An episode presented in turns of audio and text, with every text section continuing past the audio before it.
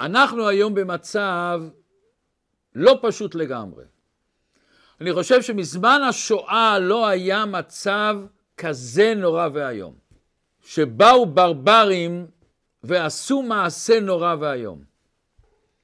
ומצד שני רואים מה שקורה בעם ישראל, שחיילים עומדים ומוכנים להיכנס במסירות נפש להציל אנשים אחרים. אנשים שהוא לא מכיר אותם בכלל. ההתנדבות והמסירות של כל כך הרבה יהודים לעזור, לתרום, להעניק אוכל, בגדים, ציוד, כל מה שצריך. ועוד דבר, התעוררות עצומה ליהדות. נשים שרק אתמול היו לא כל כך בקשר עם יהדות. והיום פתאום מניחים תפילין, עושים הדלקת נרות שבת, מברכים. נורא ואיום.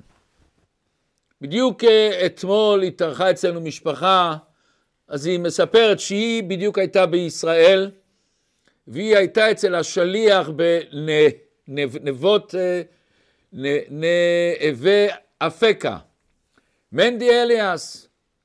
ומנדי אליאס הזה ביום כיפור עשה תפילה בחוץ, ביקש רשות מהעירייה ואמרו לו בשעה משבע בבוקר אתה יכול לעשות.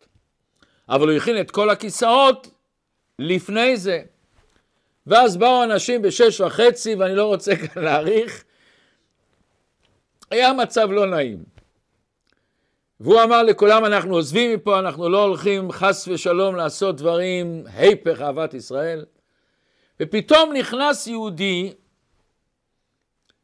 בלי כיפה, עם חולצה פתוחה, שלט גדול עליו דמוקרטיה. והוא נכנס ואומר, אני יהודי חילוני, אבל אני בא להגיד איסקויר.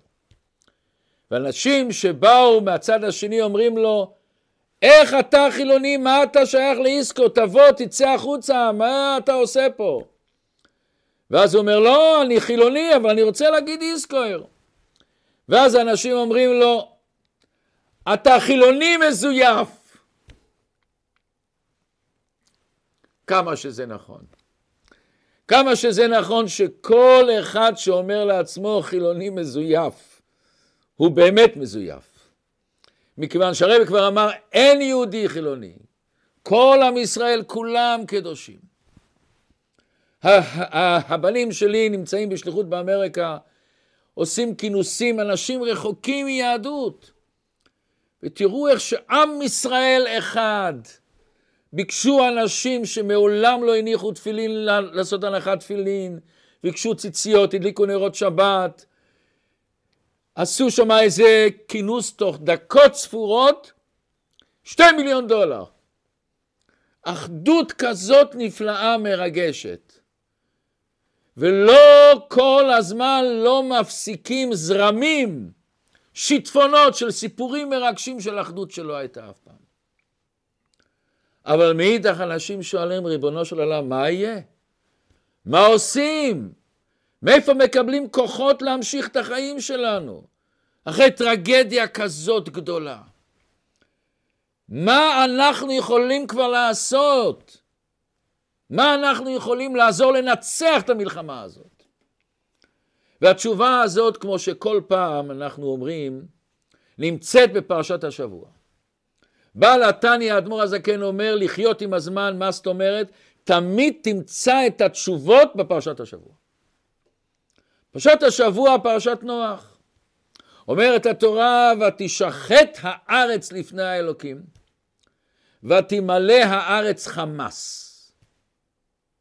וירא אלוקים את הארץ והנה נשחטה, למה? כי השחית כל בשר את דרכו על הארץ. ויאמר אלוקים לנוח קץ כל בשר בא לפניי. למה? כי מלאה הארץ חמס מפניהם, והנני משחיתם את הארץ. אז בואו נבין בעצם למה נגזרה הגזרה על אנשי דור המבול. מה היה שם? אומר הפסוק, ותשחט הארץ לפני האלוקים ותמלא הארץ חמס. ולכן הקדוש ברוך הוא אומר, אני הולך להשחית אותם. אומרת הגמרא, המדרש, לא נחתם גזר דינם אלא על הגזל. למה נגזר המבול על הגזל? שואלים המפרשים שאלה עצומה. אנחנו מכירים שכתוב לפני זה שהם היו עסוקים בעבודה זרה ובזנות. ואומרת הגמרא ורש"י אומר, כל מקום שאתה מוצא עבודה זרה וזנות, נהיה מהפכה בעולם. אז אם אנשי המבול היו עובדי עבודה, עובדי עבודה זרה וכילוי עריות, וגם אפילו אצל בעלי חיים היה פגמים, אז למה לא נחתם גזר דינם על הגזל? גזל לכאורה זה הרבה יותר קל מזה.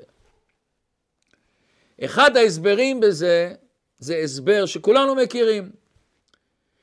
כל זמן שיש אחדות בין עם ישראל, מידת הדין לא יכולה לפגוע בהם. באה הגמרא ושואלת שאלה, איך יכול להיות אצל אחאב, שהוא לא היה הצדיק הכי גדול? במלחמות הוא הצליח. אצל שאול ודוד היה הרבה פעמים שהם לא הצליחו. אומרת הגמרא, אומר המדרש, למה? שאצל אחאב היה, היו באחדות. לא היו מלשינים, היו באחדות שלמה. ואנחנו רואים את זה גם בפרשת השבוע. דור ההפלגה. דור ההפלגה, עם כל ההסברים שלא ניכנס, רצו להילחם עם הקדוש ברוך הוא. מה הקדוש ברוך הוא עשה? בלבל את שפתם ופיזר אותם בעולם. למה הוא לא העניש אותם סתם? למה הוא בלבל את שפתם? אלא, כתוב בדור ההפלגה, הם עשו הרבה עבירות, אבל היו באחדות. כל האנושות באותה תקופה הייתה רעיון אחד לבנות בית וכביכול להילחם עם הקדוש ברוך הוא, עם כל ההסברים שיש פה. ברגע שיש אחדות, מידת הדין לא פוגעת בך. לכן הקדוש ברוך הוא רצה לפגוע באחדות שלהם, בלבל את שפתם. ולפי זה נבין דבר נפלא בתיבת, אז לכן, בואו נגמור, לכן לא נחתם גזר דינם של אנשי דור המבול אלא על, על, על הגזל, אלא על חמאס. הם פגעו באחדות, אז התעורר העבודה זרה והזנות וכולי וכולי. אבל מה שבר את ה... מה גרם לפסק דין זה דווקא הגזל. לפי זה נבין את העניין של תיבת נוח. השם אומר לנוח לבנות תיבה ולהכניס שם את כל המשפחה שלו. 120 שנה הוא בנה את התיבה, הכניס שם את כל סוגי הבעלי חיים הכשרות והלא כשרות. וכאן באה השאלה, אם הקדוש ברוך הוא רוצה להציל את נוח, יש לו המון דרכים, מה דווקא תיבה? למה תיבה? למה כזה עבודה והשקעה? שיכול לעשות פשוט מאוד, בכל העולם יהיה גשם, בבית שלהם לא יהיה גשם. או שלעלות להר גבוה ששם לא, לא יהיה מבול. לקדוש ברוך הוא יש המון דרכים, המון דרכים. בקריאת ים סוף, הוא עשה קריאת ים סוף, היה עושה קריאת ים סוף, ששם אין, אין מבול. מסביר המהר"ל ועוד הרבה, שבעצם התיבה שהשם ציווה לנוח לבנות,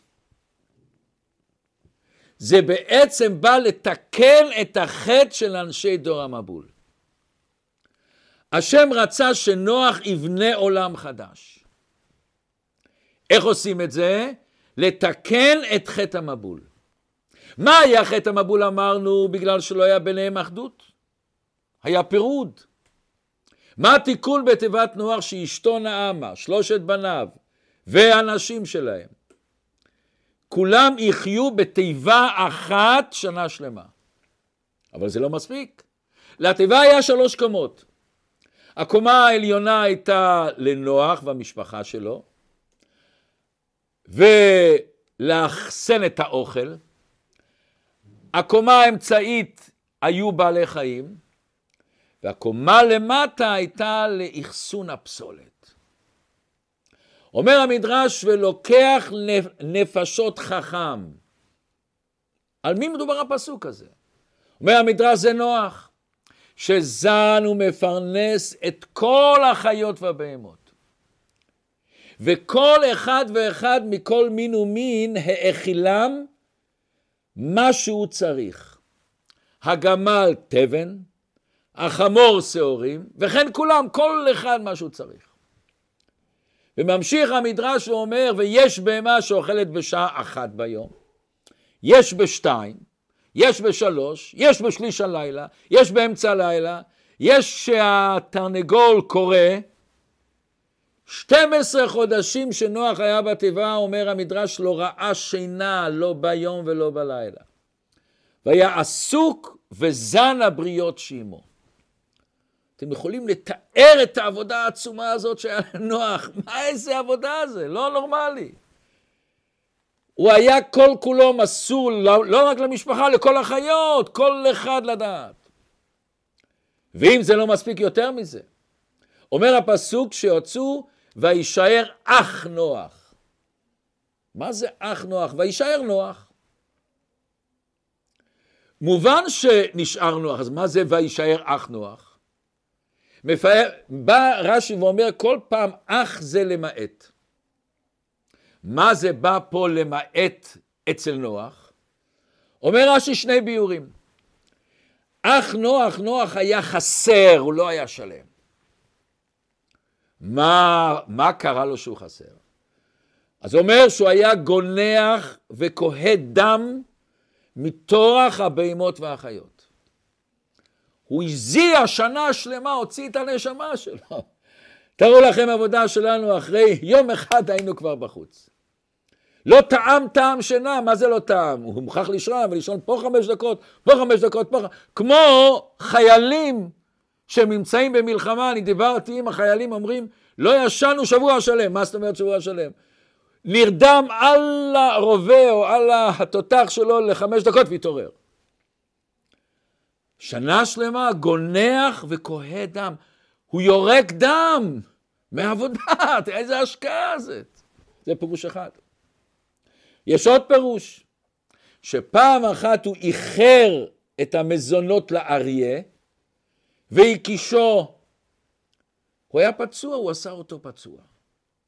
זאת אומרת שנוח יצא מן התיבה, כמו שאומרים, כמו את ההושענות שמכים אותם. גם פצוע וגם סחוט לגמרי. אומר הרבי, תראו את נוח. היה חולה, היה חלש, היה פצוע, אבל המשיך את העבודה שלו. המשיך את העבודה לחיות, לתת אוכל לכל אחד בשעה שלו. אומר המהר"ל, אתם יודעים למה? נוח רצה לתקן, לתקן, לבנות עולם חדש. ובכדי לבנות עולם חדש, אתה צריך לבנות את העולם החדש אצלך. לבנות עולם שמיוסד על אחדות, אהבה בבית, במשפחה, ואפילו לבעלי חיים. וכאן זה היה הבסיס של בריאת העולם אחרי המבול. ועד כדי כך שמבואר בספרי חסידות ומסביר את זה בעל התניא, אדמו"ר הזקן, שבתיבה היה כזה גילוי מעין הגילוי של העתיד לבוא. מה יהיה לעתיד לבוא? וגר זאב עם כבש. ולא ירעו ולא ישחיתו, חיים כולם באחדות. לא עשו רע, נשתנה הטבע שלהם. במבול היה מעין זה, מאותו הגילוי הזה של האחדות הנפלאה הזאת. ולכן גם היום אנחנו אחרי מבול, מבול גדול מאוד. מבול בלתי צפוי לגמרי. אבל אחד הדברים הגדולים שכל אחד ואחת צריכים לעשות, ושזה יביא לנו בוודאי את הניצחון ואת ההצלחה, זה אחדות. כוחנו באחדותנו. וכמו שנראה כל ההיסטוריה של עם ישראל, כל פעם שעם ישראל היה באחדות ניצחו. אבל כל פעם שחס ושלום לא היה אחדות, וזה מתחיל מזמן חורבן בית המקדש, כולנו מכירים את הסיפור מה שקרה שם, חס ושלום, זה היה הפך הברכה. ואנחנו צריכים לצאת מהקופסה שלנו, להיות מקוריים, איך להתקשר עם השני, איך להביא אור בעולם, חסד, אהבה. לגלות לאנשים את האור שלהם, לגלות את האור בעיניים שלהם. זה המטרה שלנו היום. לפני שאנחנו הולכים להמשיך, מבקשים כמו כל פעם, לעשות לשיעור לייקים, לשתף אנשים אחרים, לגלות בכל אחד את האור שלו. ולכתוב תגובות, רעיונות, רעיונות מה אנחנו יכולים היום לעשות. איזה עוד אור וחסד ואהבה אנחנו יכולים לגלות בכל מיני צורות אחרות. יש סיפור נפלא, היה אחד שקראו לו יהודה אבנר, הוא היה דיפלומט, הוא היה יועץ לארבעה ראשי ממשלה, שאני לא יודע אם הרבה אנשים היו כאלה. והוא נכנס לרבה, ובתוך השיחה הוא שואל את הרבה, רבה, אני יכול לשאול שאלה? בבקשה הרבה אומר לו. מה העניין של רבה? מה העניין של רבה? אז אומר לו הרבה ככה, אם אנחנו לוקחים נר, ונגיד הרבה מחזיק נר, ואני שואל את האדם מה אתה רואה? אז אני רואה בסך הכל קומבינציה של שעווה, שבמרכז של הפתילה. אז מה הופך את השעווה והפתילה לנר, לאור, שהוא מאיר? מתי השעווה והפתילה ממלאים את הייעוד שלהם, את השליחות שלהם? כשאתה מקרב אליהם אש. הוא מצית את הלהבה, וואו. אז אותו שעווה נהפכת לנר. היא עושה את התפקיד שלה. אז אומר לו הרב, אותו דבר, כל יהודי, כל יהודי הוא שעווה, עם פתיליה. מתי אני ממלא את התפקיד שלי, את הייעוד שלי? שאני מדליק אותם, שאני מאיר, מאיר את הסביבה שלי, מאיר את העולם באור התורה והמצוות. זה היה מרגש מאוד, הוא אומר. ואז הוא קם והולך, ולפני שהוא יצא מהחדר הוא מסתובב, ואומר, רבה, מותר לי לשאול אותך, את הנר שלי הדלקת? אומר לו הרבה לא. לא הדלקתי את הנר שלך. נתתי לך את הגפרור. להדליק אתה צריך. כל אחד מאיתנו יש בו פוטנציאל עצום של נר. דבר נפלא יש לבן אדם. והקדוש ברוך הוא עושה שכל יהודי כתוב נר השם נשמת אדם. ולמה שחס ושלום, חס ושלום מישהו נפטר והיום בעוונותינו הרבים מדליקים נרות, למה מדליקים נרות? הדבר ראשון, זיכרון, אני רוצה לזכור את הבן אדם שנפטר. נר השם נשמת אדם, אני רוצה להדליק לו זכר, אבל זה יותר מזה עמוק. כשאני מדליק את הנר, ואני מסתכל על הנר. אני אומר, הבן אדם הזה נפטר, עלה לשמיים, עשה את השליחות שלו. ואז אני אומר לו, אבל אני ממשיך את העבודה שלך. אני אדליק נרות יותר. אני אעשה יותר חום, יותר אהבה, יותר חסד, יותר התלהבות בעולם.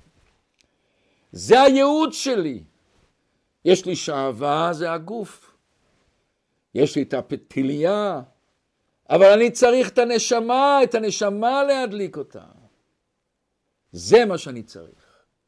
וזה אנחנו לומדים מפרשת השבוע, נוח שנה שלמה השקיע בבני אדם ובבעלי חיים. וזה מה שהתפקיד שלנו, של כל אחד מאיתנו. אבל בואו נראה עוד שלב מעניין, עוד שלב מעניין. אחרי שנגמר המבול, אומר הקדוש ברוך הוא לנוח, צא מן התיבה אתה ואשתך ובניך ונשי בניך איתך, כל החיה אשר איתך מכל בשר בעוף ובבהמה, והרמס הוצא איתך, ושרצו בארץ ופרו ורבו על הארץ. ומיד השאלה, אני חושב שכל אחד שלומד, היית שנה שלמה בכלוב. למה? היה מבול. אתה צריך ציווי מיוחד בשביל לצאת? פותחי, אומרים לך, גמר המבול נגמר, ניצלת, אין עולם, תצא החוצה. מה הוא צריך ציווי? מה הוא צריך ציווי? למה שהוא לא ירצה לצאת? אז בפשטות אנשים לומדים מכיוון הוא ראה עולם חרב, מה יש לו לעשות בעולם? אבל מה, לא לצאת, רק לראות מה שנחרב, ריבונו של עולם. אבל אמרנו שבתיבה הייתה אווירה נפלאה של אחדות, מסירות זה לזה. גם החיות בינם, לבין עצמם אמרנו שהם לא הזיקו אחד לשני. נוח הרגיש אני במצב אידיאלי.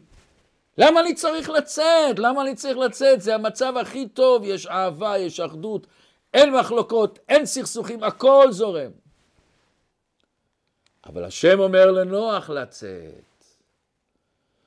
אומר המדרש, נוח אומר, כשם שלא נכנסתי בתיבה אלא ברשות, כך אין אני יוצא אלא ברשות. ברשות נכנסתי וברשות אצא. בוא אל התיבה באתי, צא מן התיבה אני יוצא. לחשוב השאלה למה הוא צריך לצאת באמת? למה לא להישאר במצב כזה אידיאלי? ריבון, למה? אומר המדרש, תשמעו מדרש, כתוב בקהלת, אם רוח המושל תעלה עליך, מקומך אל תנח. אומר המדרש זה הולך על נוח. אם רוח המושל תעלה עליך, אם אתה מרגיש מן השמיים ששולחים אותך להיות מושל, להיות מלך, כל אחד מאיתנו יש לו כוח מלוכה, כוח ממשלה, כוח להשפיע, לתת, להעיר. אל תנח מקומך. אל תגיד לא אני ענב, אני לא מסוגל, זה לא בשבילי. אם שמו אותך במצב שאתה מרגיש שיש חוסר, יש חיסרון, יש בעיה, זה התכלית הבריאה, באת לעולם בשביל השליחות הזאת. לגלות את המלוכה שלך. איך אמרה אסתר המלכה, כולנו מכירים, היא נכנסה לבית של אחשורוש לבטל את הגזרה. ואומר המדרש, היא ראתה שם את העבודה הזרה, נסתלקה ממנה רוח הקודש. אז היא אומרת, קיילי, קיילי, למה עזבתני? באים בחסידות אומרים לו, אסתר לא היה לה שאלות. היא ידעה אצל הקדוש ברוך הוא אין שאלות. אל תשאל את הקדוש ברוך הוא למה, מכיוון שאין תשובה לזה, השם הוא למעלה משכל, אתה לא יכול לתפוס אין סוף בלי גבול למעלה משכל. אדם לא קולט למה הוא חי, איך הוא חי, איך הוא נושם, איך כל החומר הגשמי הזה פועל, הוא לא מבין. ואתה לא מבין למה יש 120 שנה שאתה עוזב את העולם. היא אמרה משהו אחר לגמרי. היא אמרה, קלי, קלי, למה עזבתני? אני יודעת אם יש לי צמצום ההלם, יש לי שליחות בעולם. כל בן אדם שבא לעולם, למה? לא שאלו אותנו אם אתה רוצה לבוא. לא שאלו איזה בית אתה רוצה, איזה שכל אתה רוצה, איזה חוכמה אתה רוצה, איזה... לא שאלו אותנו, הביאו אותנו לעולם. כל אחד נולד לשליחות מסוימת. וכל אחד הוא מיוחד ואין שני לו. לא תמצא שתי אנשים עם אותו שכל, אותו רגש, אותם פנים, אותה טביעת אצבעות, אותם אתגרים, אותם ניסיונות. אנשים לא שומעים אותו דבר, אתה שומע אותו מילה, אתה אומר למישהו, כל אחד שומע אחרת. כל אחד הוא מיוחד במינו, מיוחד במינו. בדיוק אמרו לי לפני כמה זמן, מכרו בול, בול, חתיכת נייר בתשע וחצי מיליון דולר. מה זה? בול, ריבונו, מה זה ריבונו של עולם? תשע וחצי מיליון דולר, כמה אפשר אנשים להאכיל, לתת להם אוכל, לעשות אותם שמחים ומאושרים? למה? הבול הזה אין כמותו הרבה בעולם, מיוחד משהו. וככה יש המון סיפורים שמוכרים דבר ש... שאני לא הייתי מרים אותו, לא הייתי מרים אותו. וזה שווה הון. אנחנו, כל יהודי ויהודי, פס, הוא חלק מפאזל. אין, אין, אין שום מציאות דומה אחד לשני. הפוך, בוא נגיד שמישהו קנה פאזל של עשרת אלפים חתיכות. הוא כבר עשה את הכל חוץ משתי חתיכות, ופתאום השתי החתיכות האחרונות הם אותו דבר. כל הפאזל הלך. אסור לי לרצות להיות השני ואסור לשני להיות כמו שאני. כל אחד הוא ייחודי. אני יכול ללמוד מהשני. אני יכול ללמוד איך שהוא עושה, ללמוד את ההתנהגות שלו, את, ה, את, ה, את החסד שלו, את התורה שלו, את המצוות שלו, מצוין. אבל אתה לא תהיה כמו השני. ואחת הבעיות הגדולות, אנשים רוצים לחקות את השני. הולכים עם בגדים או לוקחים איזה שעון, לחקות את השני. תהיה אתה ריבונו של עולם. אומר הקדוש ברוך הוא, צא מן התיבה. למה צא? למה צא? רוצה להישאר אידיאלי? לא, לא, לא. זה לא השליחות שלך. השליחות שלך זה לצאת לעולם הזה, לעשות עולם אחר. לעשות עולם מגושם, שהוא מעלים, לגלות בו את האור. אומר הקדוש ברוך הוא, תעשו פרו ורבו, ומילאו את הארץ. התפקיד שלך לא להישאר ככה. בשביל זה הקדוש ברוך הוא ברא מלאכים. הם בסדר גמור, אין שם צרות, אין איסורים, אין, אין בעיות, אין, אין מחלוקות, אין שום דבר. אשר אומר פרו ורבו תמלא את הארץ בקדושה. ולפרו ורבו אומר הרבה שתי הסברים. דבר ראשון, פרו ורבו בגשמיות. להגדיל את המשפחות שלנו. זה דבר נפלא להגדיל את המשפחות שלנו. בייחוד היום אחרי השואה, בייחוד היום אחרי מה שקרה בימים האחרונים שלנו, ריבונו של עולם, שנשמות טהורות עלו למעלה במסירות נפש. אנחנו צריכים להמשיך את השלשלת שלהם. אנחנו צריכים להגדיל את העם הקדוש שלנו. להביא נשמות לעולם הזה, להגדיל את עם ישראל. הם יהיו הנרות, הנרות הגדולים שמזכירים לנו את כל מי שהלך. אבל יש גם פרו ורבו ברוח, ברוחניות. להדליק נשמות, לתת לאנשים שמחה, לתת לאנשים אור בעיניים, לעשות טוב בעולם, לחלק אוכל, לחלק אהבה, לחלק חיוכים, לעשות דברים. וזה מה שכתוב שנוח ראה עולם חדש. אחרי המבול עולם חדש? מה זאת אומרת עולם חדש אחרי המבול? דווקא אחרי חושך אנחנו יוצרים עולם חדש. דווקא אחרי הלם ואסתר אתה יכול ליצור דבר חדש. אני כל כך מתרגש לפעמים לראות משפחות שאחרי השואה, שהשם ישמור אותנו, איבדו משפחה עם עשרה ילדים, 11 ילדים, 12 ילדים. והיה את הכוח לבנות מחדש, ליצור מחדש. זה הכוח של עם ישראל. כמו שזרעים ששמים באדמה, דווקא שמתרכבים הם צומחים. עכשיו יש לנו את ההזדמנות לצמוח, לגדול, וזה השליחות שלנו, של כל אחד. דווקא עכשיו במבול, ודווקא עכשיו אחרי המבול, אם ירצה השם, שנזכה לראות ניסים ונפלאות, נזכה לראות כמה שהיה חושך, האור יהיה הרבה יותר גדול, הניסים יהיו יותר גדולים. דווקא עכשיו השם אומר, אני מאמין בכם. אם אנחנו דווקא חיים בדור הזה, בדור של לא להאמין שמצד אחד התפתחות של האלקטרוניקה, של, ה... של התקשורת, לא נורמלי. אבל תראו את האנשים, תראו איזה רוע, איזה אכזריות יש בעולם. אכזריות לבוא, להרוג אנשים בשביל להרוג. להרוג אנשים גם שאתה יודע שאולי לא תצא, אבל העיקר שאני אצליח להרוג מישהו. איזה אכזריות זה לקחת אנשים אחרים שימותו בשביל להגן עליי, בשביל שאני יכול לפרסם בעולם שישראל הורגת אנשים. איזה שפלות זה ריבונו של עולם. נוח אומר המדרש, ראה עולם חדש. מה זה ראה עולם חדש? דווקא הוא ראה בתוך החושך. הוא ראה את האור, כמה שאני יכול ליצור קדושה. עכשיו אני יכול דווקא אחרי החושך לגלות משהו. וזה מה שאנחנו עכשיו צריכים לחשוב, להיות מקוריים, לעשות את האור. לעשות את האור בתוך החושך. ואנחנו נהיה דוגמה חיה לילדים שלנו. הילדים שלנו יראו אבא, אימא, תראה איך שהם עסוקים רק בטוב. אתם יודעים איזה דוגמה חיה זה יהיה להם. איזה השראה זה יהיה להם לכל החיים. איך שזה ידריך אותם בכל החיים, שיהיה להם רק טוב, אבל לכל אחד יש זמנים. דווקא שהילד או שאותו הילדה תראה מצב של חושר, אה, איך אבא ואמא התנהגו אז. אם יהיה לנו את ההשראה הזאת, באנו ליצור עולם חדש. כשהיהודים באו לארץ ישראל, הייתה שממה שמה. ארץ אוכלת יושביה היא הייתה. אבל היה להם חזון. הם בנו מאין ליש, מאדמה שממה, שבמשך אלפי שנה ארץ ישראל הייתה שממה.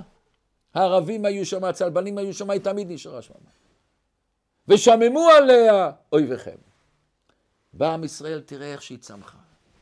יש מדרש נפלא שאומר, כשהבנים באים הביתה לאימא, לאבא, האבא והאימא צומחים.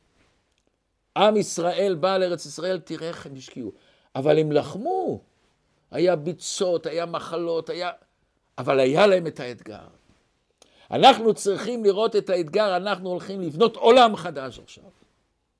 עולם של אהבה, עולם של הבנה, עולם של קדושה וטהרה, שנזכה בקרוב ממש לביאת משיח.